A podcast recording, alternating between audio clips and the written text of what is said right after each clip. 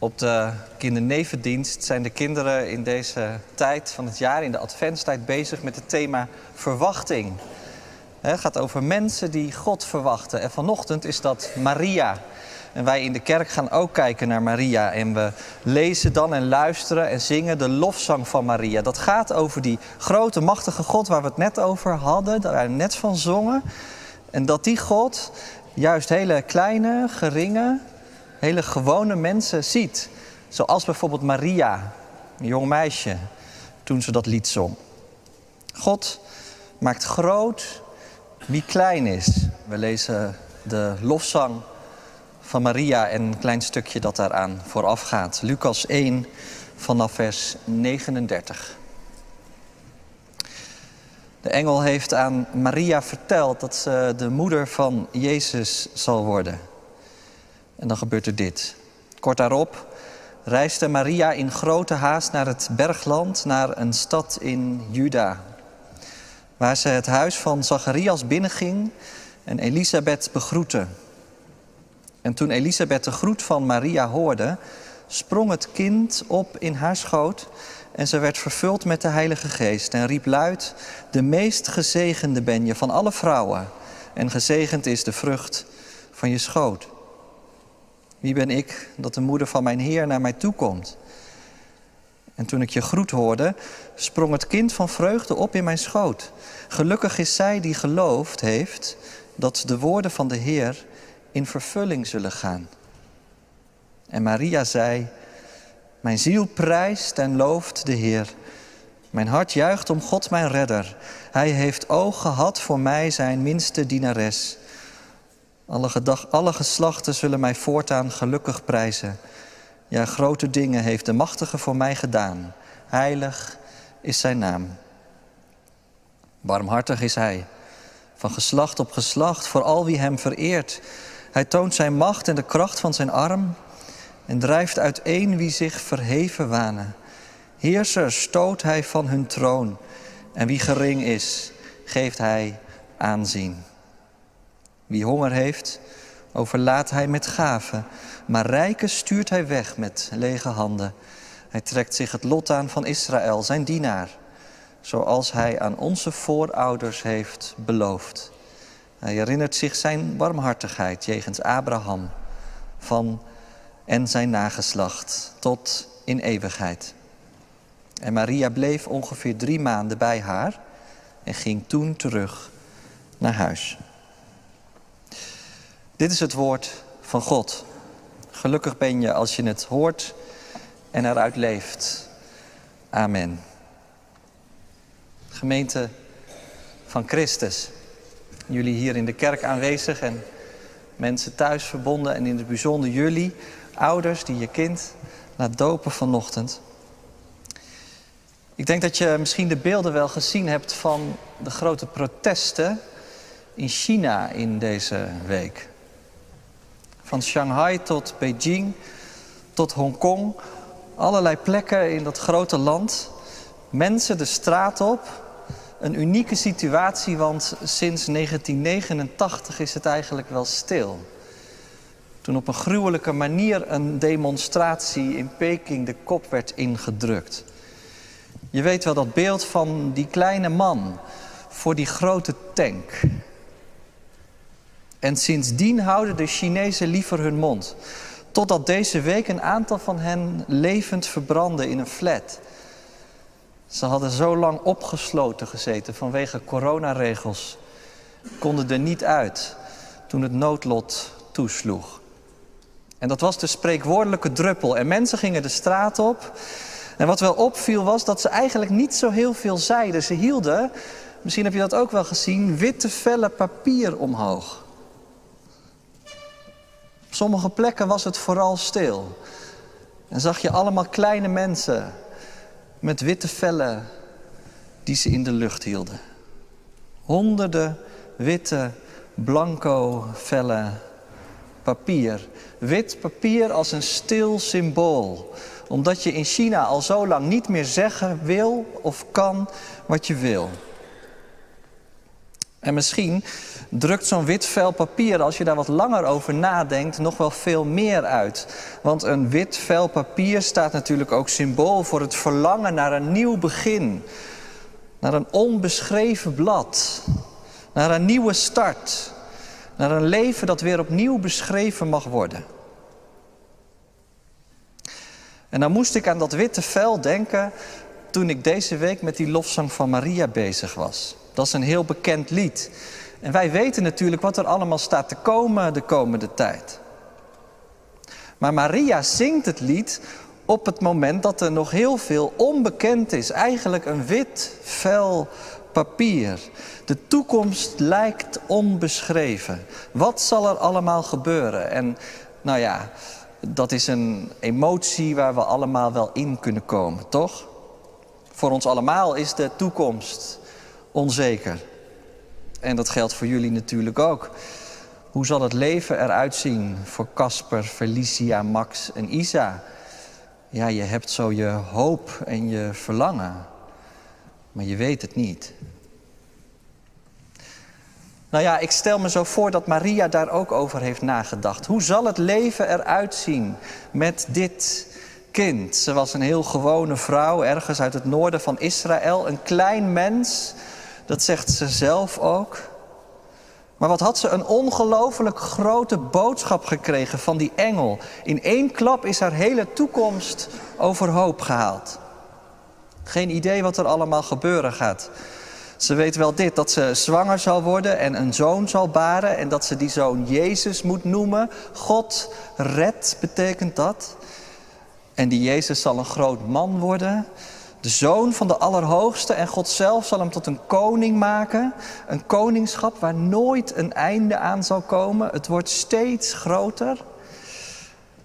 Ja, als je die boodschap op je in laat werken, dan begrijp je wel dat Maria er stil van wordt. En inderdaad, het is niet zo dat ze meteen gaat zingen. Daar zit tijd tussen. Als de engel haar verteld heeft wat er gaat gebeuren, dan, dan is ze een tijd stil. De Heer wil ik dienen, zegt ze letterlijk. Maar hoe zal dat gebeuren? Ze heeft tijd nodig. En als ze dan uiteindelijk haar pen en papier heeft gepakt om een lied te gaan schrijven, dan is het heel opvallend dat ze het papier vult met woorden die niet per se van haarzelf zijn. Ik zei het al, die lofzang van Maria, die bestaat eigenlijk uit allemaal fragmenten uit de traditie. Ze krijgt de woorden, als het goed is, aangereikt om woorden te geven aan haar eigen situatie en aan haar eigen emotie. Dat is wel heel mooi, dat, dat dat lied, die lofzang van Maria, een soort collage is van allemaal bestaande teksten uit het Oude Testament. Ze geeft na een tijdje nadenken toch uiting aan haar verwondering. En dan biedt de traditie haar het juiste, de juiste woorden. Volgens mij werkt dat vandaag nog steeds wel zo. Als er dingen zijn waar je stil en verwonderd over bent, of als er dingen zijn die je niet zo 1, 2, 3 klein weet te krijgen, wat moet je zeggen? Je weet het soms zelf niet, maar wat is het dan mooi als jouw woorden worden aangereikt? Soort van lange lijn, waar je dan zelf ook zo je plek in kunt innemen. Maria's lied wordt het Magnificat genoemd. En het is misschien wel een van de bekendste teksten, misschien een van de bekendste liederen uit het christendom. In de kloosters wordt het elke dag gezongen. Blijkbaar heeft dat lied iets wat je elke dag wel nodig hebt. Dat lied is inmiddels zelf zo'n tekst geworden die jou aangereikt wordt om, om je daarin te voegen, om het ook te zingen. Om je die woorden eigen te maken. Wat zijn dat dan voor woorden? Nou, dat woord magnificat vat het eigenlijk heel mooi samen. Wat betekent dat? Het is het eerste woord in de Latijnse vertaling van de lofzang. Maar het betekent dit: maak groot. Maria maakt God groot met haar lied. Ze kijkt niet naar zichzelf, maar ze kijkt omhoog. Ze wil God niet in de weg staan, maar ze wil juist ruimte maken voor God om zijn werk te doen.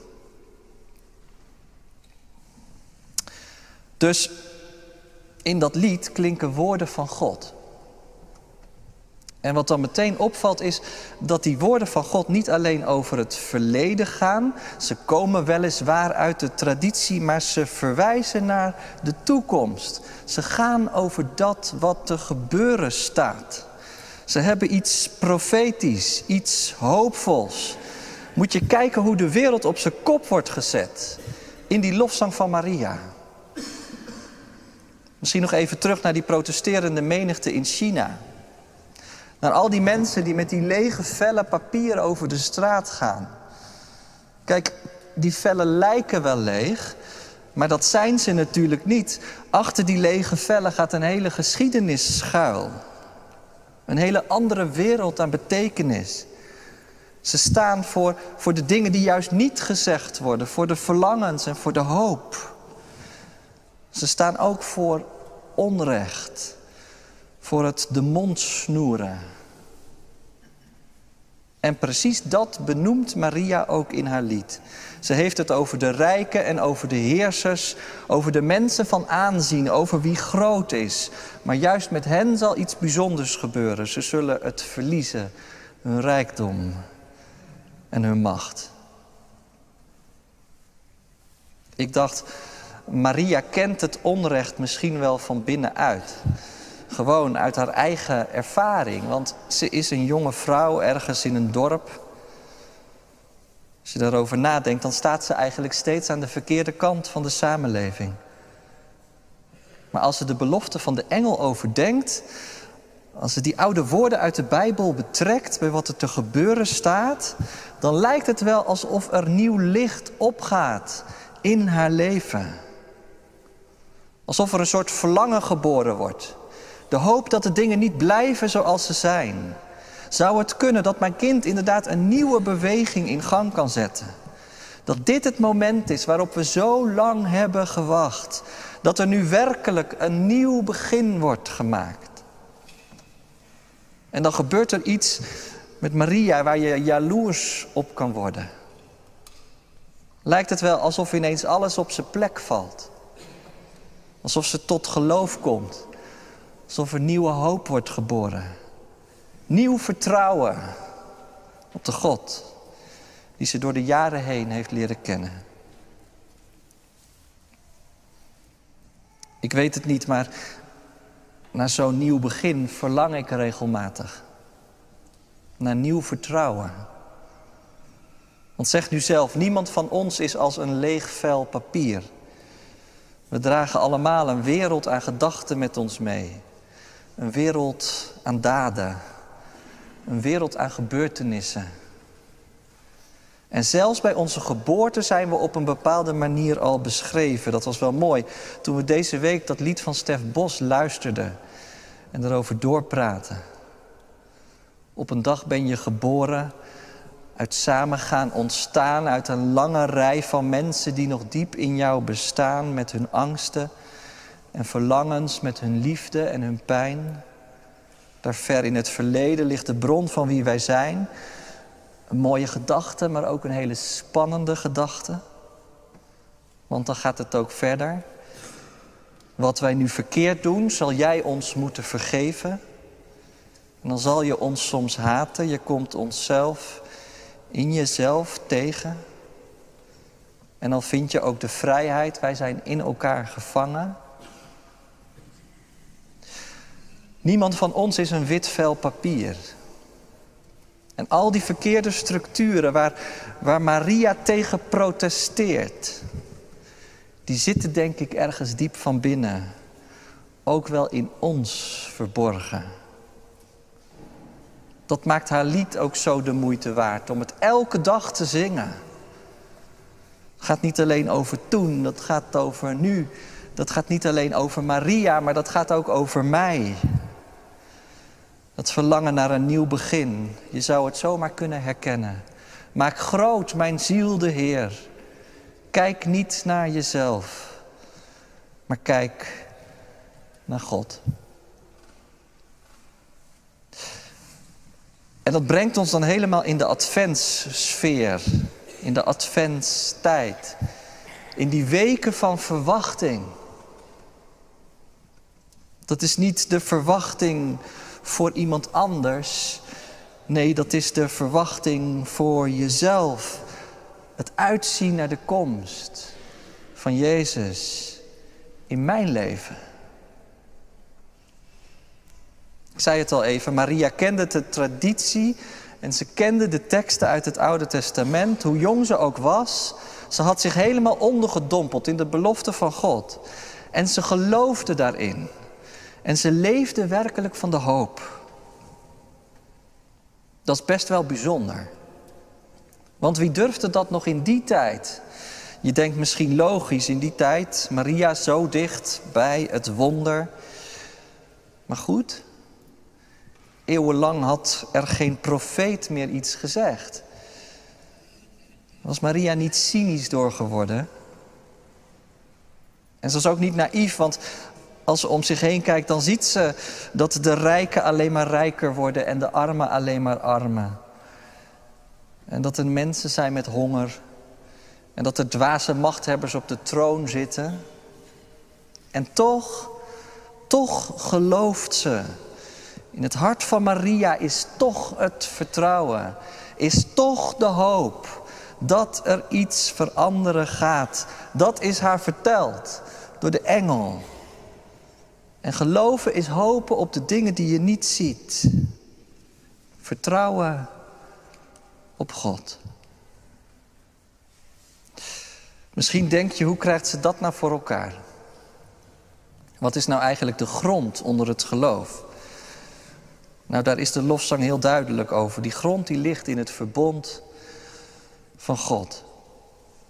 In het feit dat die lange lijnen uit de geschiedenis die Maria herkent en waar ze over nadenkt, dat die lange lijnen haar hebben geleerd dat God toch barmhartig is. En op de een of andere manier is Maria niet alleen. Als je Lucas leest, zijn er veel meer mensen die datzelfde geloofsvertrouwen hebben. Zacharias, Elisabeth, Simeon, Anna. En op de een of andere manier zijn er altijd mensen geweest, sinds die tijd, die datzelfde geloofsvertrouwen hebben laten zien. Die juist in de adventstijd hebben gezegd, ik voel hoe mijn hart gevuld wordt met het verlangen naar de komst van God in de wereld. Ik weet dat God loyaal doet wat Hij belooft. Van generatie op generatie blijft Hij trouw. En tot in eeuwigheid, zingt Maria. Tot in eeuwigheid moet je over nadenken. Die eeuwigheid, die is nog steeds niet voorbij. En dan zijn we volgens mij aangekomen bij de doop. Want waar gaat de doop nou eigenlijk over? Nou, precies over dat. Over Gods barmhartigheid door de generaties heen. Tot in eeuwigheid. Over het verbond dat Hij met ons en met onze kinderen wil sluiten. Over een toekomst die we niet kennen, maar die we wel vol vertrouwen tegemoet mogen gaan. Dat is de toekomst waarvan Stef Bos zingt dat het ergens ook gewoon een tijd is die wij nooit zullen kennen. Jaren die nog niet bestaan. Nieuwe muren om te slechten, nieuwe bruggen om te slaan. Hebben we het ook over gehad. Dat dat ook best wel spannend is. Hoe kun je je kind nou loslaten, de toekomst tegemoet? Hoe kun je je kind loslaten in een wereld waarin nog steeds mensen de straat op gaan om te protesteren tegen het onrecht? Nou, daarom is het zo belangrijk om dat doopvond niet te vergeten.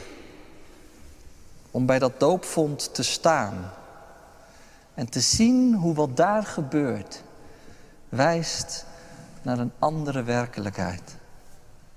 Een andere werkelijkheid die we niet in de vingers hebben, maar waar we wel op hopen en in geloof op vertrouwen. Magnificat, maak groot de Heer. Kijk niet naar jezelf, maar herinner Zijn barmhartigheid tot in eeuwigheid. En weet je, die eeuwigheid, die inderdaad nog niet afgelopen is, die eeuwigheid die vertelt ons nog één ander ding. Moet je, moet je nadenken, er is namelijk nog iets gebeurd. Tussen dat moment dat Maria vol verwachting haar lied uitzingt en het moment dat wij onze kinderen laten dopen. Want Maria's baby werd geboren.